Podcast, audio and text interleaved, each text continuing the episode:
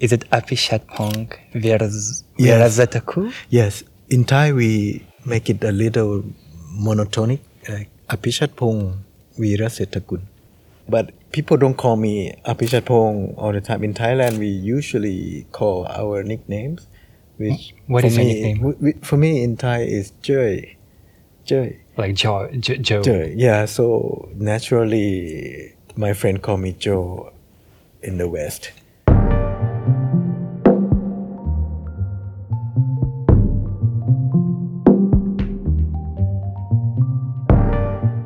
Apichatpong Weerasethakul is the most celebrated film director in Thailand. He's a master of mysterious, poetic cinema. We got a chance to meet him in Vilnius. Is it possible to see you watching Spider Man or Guardians of the Galaxy? no. No. Guardian of Galaxy, yes. the last one was amazing. I, I like it. From the studio in Vilnius, this is Karolis Vishnauskas.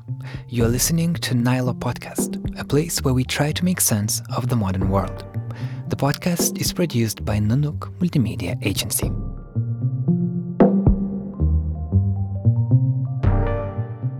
Monsieur le Président du jury, Mr. President of the jury, qui a gagné le Palme d'Or who wins the Palme d'Or? This year's Palme d'Or goes to Uncle Bon Mi, who can recall past lives like a Pentaponi, where I'm mispronouncing, sorry. In 2010, Apichatpong Weerasethakul got the main prize at Cannes Film Festival. His film Uncle Boonmee, Who Can Recall His Past Lives, was the unexpected winner. Uh, I have been attacked so many times. I mean, by winning this award that is that I didn't des- deserve. this prize. Who said that? A lot in the press, in the press, in France, in Spain, in many countries. Okay. You know, you cannot please everyone. So the best is just to do even more straight to, to your heart. Thank you. Uh, bonsoir. Now, Apichatpong is a member of the Academy. He's one of the people who decide which films get the Oscars. In Vilnius Contemporary Art Center, he presented Luminous Shadows, its selected installations and film retrospective of his. On the opening day, the art center was packed, but we got a chance to meet Apichatpong on the day before. We talked his art, cinema censorship in Thailand, and the state of cinema today. Stay with us. I want to quote you one quote from uh, Roger Ebert film website. They did a review of Cemetery of Splendor. They gave four stars out of four, and one reader posted like a real long comment. Um, he was really excited about the film. and Let me quote some of his comment. This is a work of a master. Meaning is worthless here. You can't see this film with Western eyes. Watching this film, all I thought was, wow, this guy seriously swims in other waters. Fuck all the rules of cinema, fuck the narrative arc, fuck the character development, and fuck all the meaning. It was liberating. And I thought, I could agree with parts of that. Like, you kind of create completely different rules for your films, and people feel liberating watching that. Um, is it the goal? Do you want to achieve that? Or do you have your own rules that maybe we, as viewers who are maybe used to, like let's say Hollywood filmmaking, mm. just don't see those rules, but you have them. Do you have them? I I'm happy to hear that and but my real intention is just my own exploration and with my background what I've been doing is not really breaking the ground is it's maybe an homage to the cinema language that we all grew up together you know it's not Lithuanian it's not Thai it's Fellini it's Eisenstein is Béla Tarr. So all these uh, references is still there. It's not breaking anything, uh, and I'm always trying to express uh, my own memories and the idea of time and light and the idea of framing. Of course, I'm conscious about there'll be people who, who understand these references because we grew up together in this language that can connect. Yeah. And at the same time, he or she wouldn't cannot understand totally because it's they are all my reference. Yeah, and but the word liberation is important because that means the viewer uh, who's connected is uh, feel free enough to let go, you know, of the expectation, the anticipation of narrative, and of certain kind of structure that he or she would allow uh, the, the memories, you know, personal memory to blend in with my my memory from Thailand, and and that's amazing. Yeah. yeah. Do you think that your films are perceived differently in Western countries than in Thailand? For example, we here in Lithuania, I guess we see them differently. Or even people in Thailand, I think each one we have different approach to it in different region of the country or something. But uh, definitely, I think for Thai people, there are more references and something more comfortable. You know, there's something that sometimes had never been explored in film. You know, some kind of the mixture of uh, uh, contemporary filmmaking and some superstition thing that we had that cannot translate to to the West. There is this uh, question when uh, a person is creating art, how Western should he or she be? For example, a lot of uh, filmmakers, musicians in Lithuania, they want to be more Western because that's kind of they think that's how you can succeed. But in your case, it seems that you, your identity as a Thai filmmaker, you had it all the time together with you, and it worked for you. You didn't want to become a Westerner, mm-hmm. but you mm-hmm. still got Western viewers watching your films. What is your approach to this identity question? I think it's about listening to one's heart, and sometimes you really get lost as a filmmaker because there's so many influences, uh, especially now, from YouTube and from everything, and you lose touch with your own rhythm. So for me, it's that's the challenge to find the rhythm um, for me, I enjoy Hollywood films and other kind of film, but when I make my own, I have to find this, and it doesn't mean that slower cinema or my kind of cinema is better. It's just that you communicate honestly, yeah. So I cannot say for others. I mean, you, it's just that you have to find your own pacing. So in terms of young people wanting to do like the Western uh, cinema, I think it's it's it's free as long as you you are you're passionate about it. Of course, you do it. But for me, I, I cannot. I don't know how to. And do you still live in Thailand? Yeah, I live in the north of Thailand. I want to ask you about the film censorship in Thailand because there were stories uh, that some of your films were also censored and you were fighting against that. What's the situation right now? For example, are you free to show your films in Thailand now? Mm, I think so but I didn't. I don't feel comfortable in showing now for the past three years because there's a military coup three years ago and now it's run by these dictators. So I refuse to submit my film for the censor board and to show, you know, which can pass or cannot, you know. But I suspect the last film, Cemetery of Splendor, maybe they demand some cut, but but I, I don't want to think about it because I I refuse, you know, to participate. So did people in Thailand were able to see Cemetery of Splendor in, no, in cinemas? No, only only go they go to Singapore or they go to other place uh, or they download. Yeah, illegally. illegally yes. yes. Yeah. Oh. What what I, I don't care. I mean, it is. But isn't, isn't that painful to you that you cannot show your film to your own uh, to people from your own country? For me, the process of making it is the most important, and when it's done, I move on. Uh, sharing is one thing. I used to give much importance to it. That that's when I fought the censorship and all these things. But now I feel that I the most important thing is to to work and to express, you know, and, and just the pleasure of working and learning and meeting new people, going to new places are the most important. Yeah.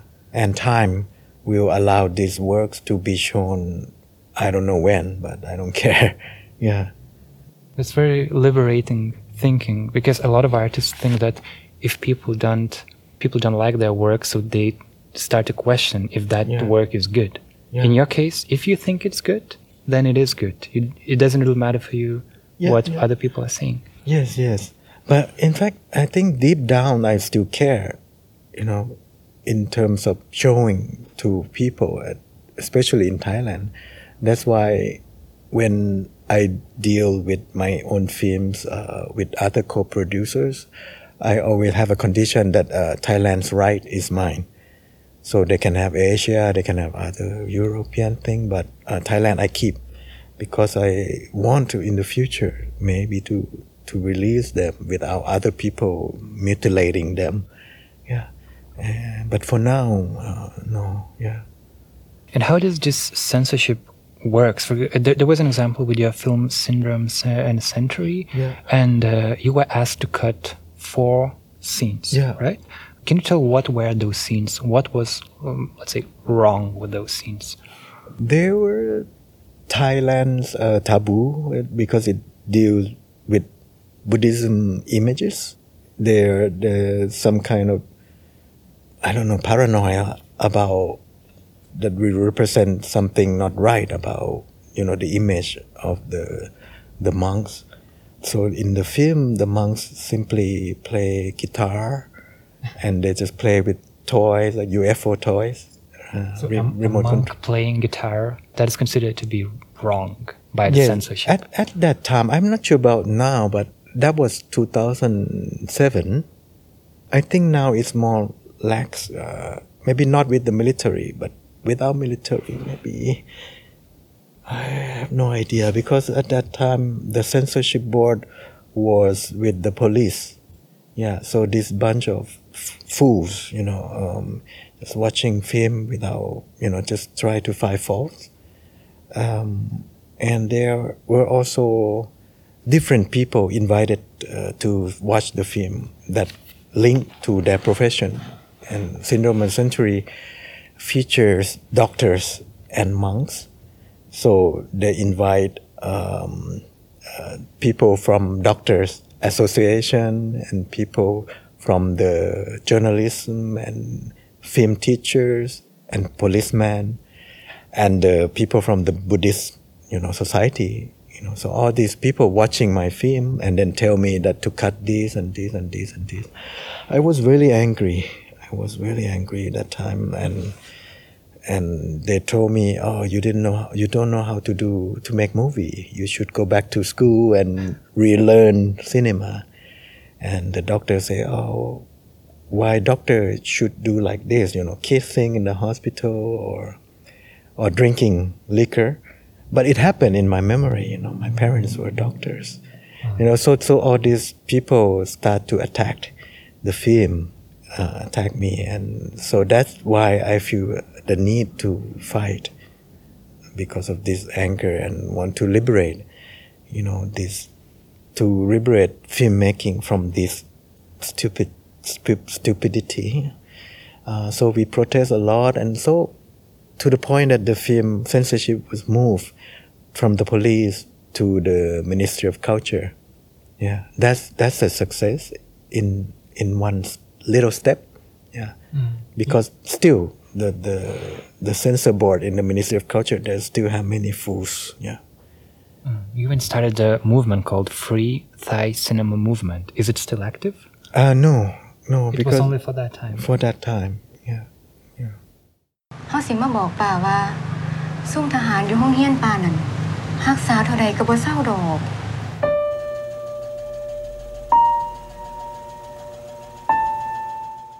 Apichatpong Weerasethakul's latest film is called Cemetery of Splendor. It features a group of soldiers in a small town in Thailand. We used to see soldiers on screen, but usually they are fighting, they are shooting. In this film, the soldiers are sleeping. They are powerless, they cannot wake up because of some unknown illness. This is a subtle way how a director criticizes military. Since 2014, the military is controlling Thailand. That is the reason why Apichatpong, being so successful outside of Thailand, cannot show his films in his own country. เขากำลังเดินอยู่ในที่ที่หนึ่งเขายังสับสนอยู่เลย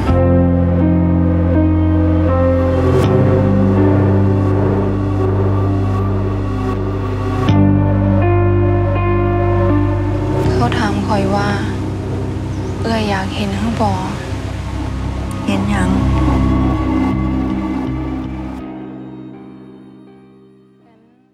Do you feel safe living in Thailand? Um, it's hard to say because I grew up there, so I know how to navigate life. Um, but there's many moments where you wish you could speak out more, um, and I, you wish you become uh, more brave uh, or be an let's say an activist, yeah, to to protest more. Uh, but but I cannot. It's too dangerous, not only to me but to my family. Yeah, so that's why I, I always say I'm not an activist and I do what I do, which is more of uh, not directly political film. It's not a political film. Um, so, but there are fears, a fear of some time of you don't know the line sometimes. Yeah. I want to go back to filmmaking. You said that you enjoy Hollywood films. For example, is it possible to see you watching Spider Man or Guardians of the Galaxy? no. No. Guardian of Galaxy, yes. the last one was amazing. I, I like it. Uh, It's really sur- surprising to hear because when you watch the films, it seems that you are li- really living in a completely different universe, and and and uh, it's hard to imagine you doing these simple things like hmm. watching Guardians of the Galaxy. But as I said before, it's the other people's rhythm, you know. So you just open to their rhythm, and I think Guardians of the Galaxy has a character. You know, you can feel the filmmaker, the the pleasure, you know, of this industry. You know, but sometimes you cannot feel in many Hollywood films. But as I, I feel less and less attracted to cinema in general, both art film or Hollywood film. So so normally I don't see that many films, yeah, unless there's a film festival I go to that my friend makes films so that we can update each other or like now I'm become a academy member so they send me DVDs of the Oscars thing. Really? They send me a lot. For example, with this year's Oscar, you are one of the one of the people who decide who will get Yeah, who who will be the winners. Yes, so I watch what I need to watch. Yeah, it's a duty. But Wow, this is interesting. And uh, so, how many films do you need to watch? Well, I don't think we watch all. You know, if you live in the state, they send you the um, not the link. They, they they send you the screening in different cities. You know, this time you have free access to this movie here and here, which is really good. But when I live in Thailand, mm, they send screeners or they send links, especially foreign films. They send links, so I I cannot see all. And what do you see? Uh, do, you- do you like what you see um, in in the current cinema? You said that you are less and less interested in uh, in films in general. Um, not really. But why? it's not motivating uh, in terms of moving cinema forward. I mean, I, I like to be excited um, and moved. Uh, sometimes you feel that many films are like literature. Um, it's like you're reading a good book and wow, you're touched by these stories, but it's, sometimes it's not about cinema language.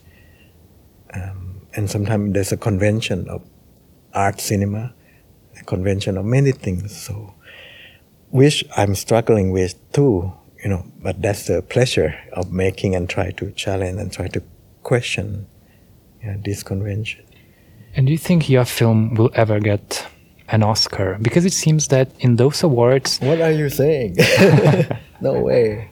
I mean, but uh, really, it seems that uh, in Oscar awards, in Academy awards, the only award films that are traditional.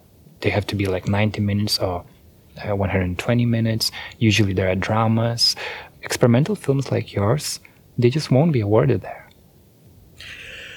No, I I don't think it's gonna be any Oscar for me, um, but I feel that for the past year they try to to be politically correct, so they have more foreign voters members. Yeah, so that I think kind of leverage the the voices, and you see some interesting films, and, you know, something like Moonlight that got the prize.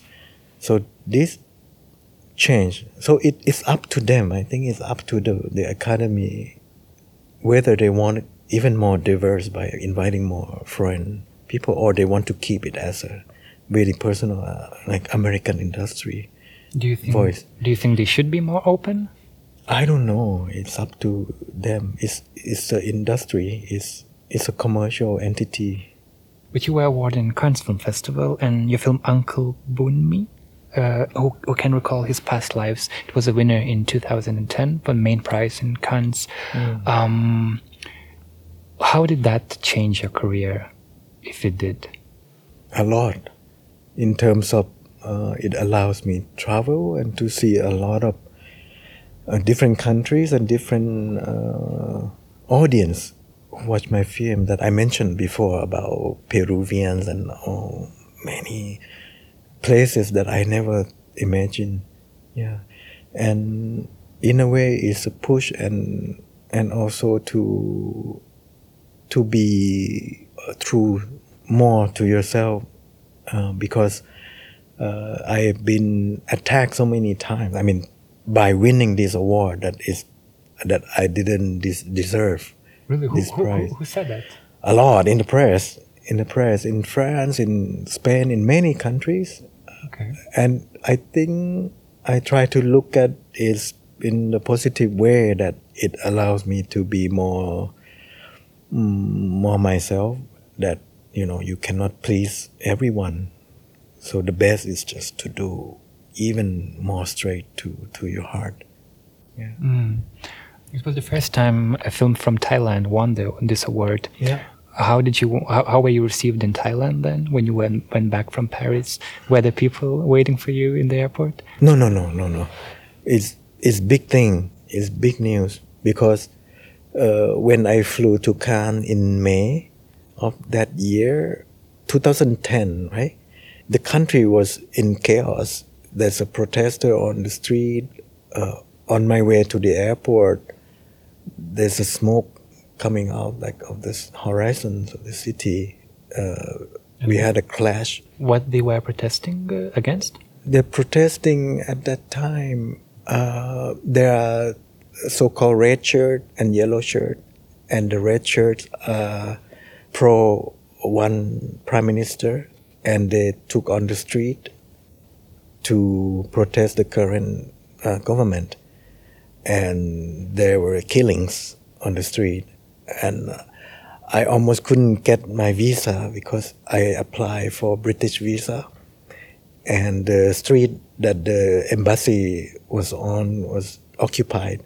Yeah, so I couldn't get in. So I had to make a new passport and to get a new visa to go to. Uh, I believe is Italian embassy allow me to this stamp.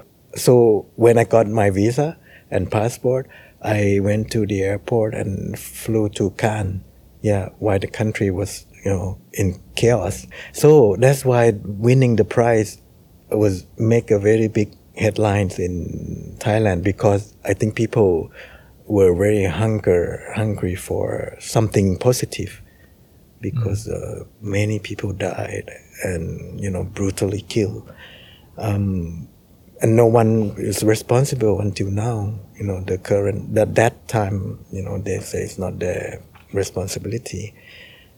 And that time you know so when i came back luckily i didn't go back right away because i i would be you know I- i'm a shy person. I don't want to be on tv i don't want to be on many places. So at that time luckily i was in london afterwards. I was in other country afterwards. Uh, before without knowing that i'm gonna win the prize you know. It just go to different festivals. Yeah. So i came back to thailand a month or two later. So the news already died down but still they have celebration and and it's very nice feeling. And even though you are criticizing the current uh, government of Thailand, you never wanted to leave a country because I guess you could leave, you could live in Europe and be just don't care about that, but you care. I still attach too much to the people, to the weather, and anything that inspire me to work. Um, even though now I don't think I can work on something like feature film in Thailand because it's too risky. Uh, because it involves many producers, many countries. If the production is shut down, it's gonna be in. I'll be in trouble. Yeah. So I still work on these short forms and uh, installations, and which Thailand offers a lot of inspiration. It's not a stable place. That's why you keep moving, you keep pushing, and and being angry. Yeah. Uh, and lastly, lastly, lastly, uh, I would like to thank uh, all my mother and my father. 30 years ago, uh, they took me to a little cinema in our little town. I, I was so young and I didn't know what, what it was on, on the screen and I didn't know the concept of cinema. And uh, with this award, I, I think I knew a little more what cinema is, but still uh, it remains a mystery and it will be a long time that we discover the, the, the real power of cinema that, uh, to, to crack the code of this mystery. Thank you so much again and uh, ขอบคุณครับ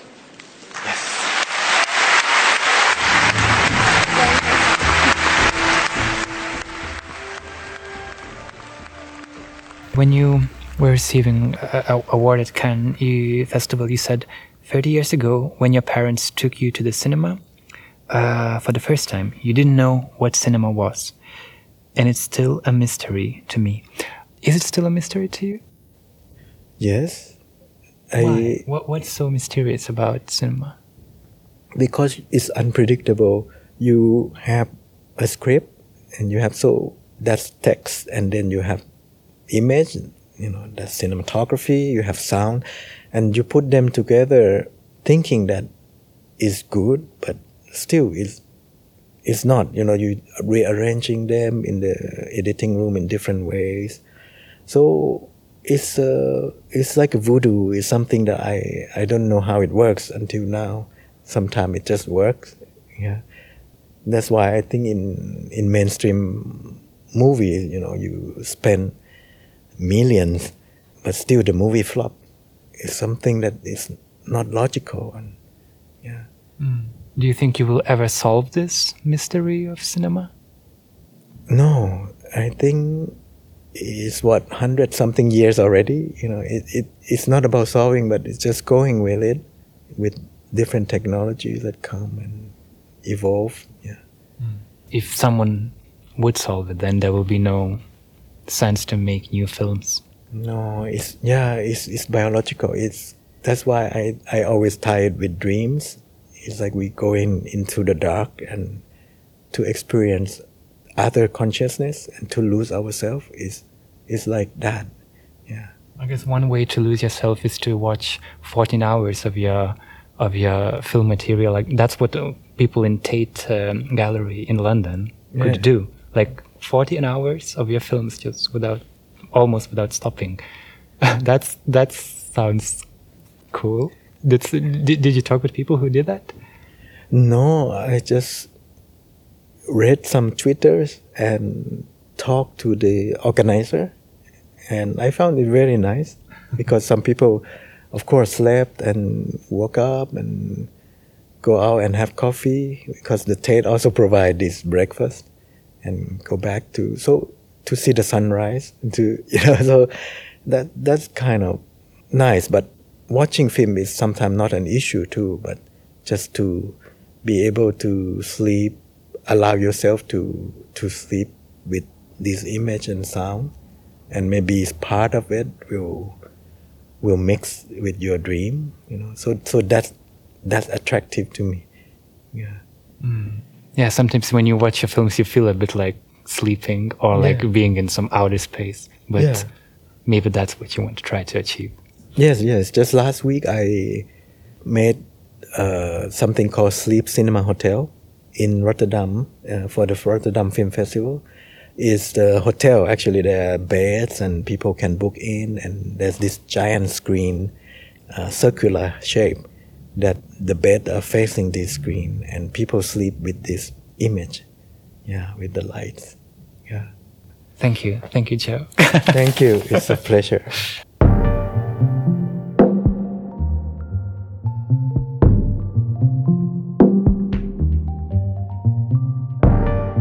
Thank you for listening to this episode of Nyla Podcast.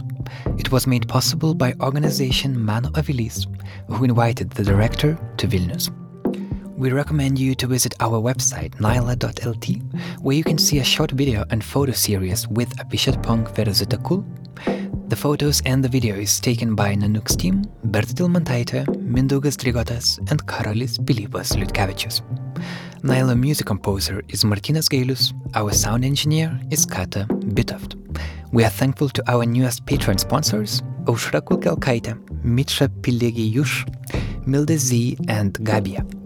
If you like this episode, please support us at Patreon. Our address is patreon.com slash nanukmultimedia. Your support keeps us going. Thank you for it from the whole team of our podcast. This episode was hosted and edited by me, Karolis Vyšniauskas. Nyla Podcast is produced by Nanuk Multimedia Agency in Vilnius. See you next Tuesday.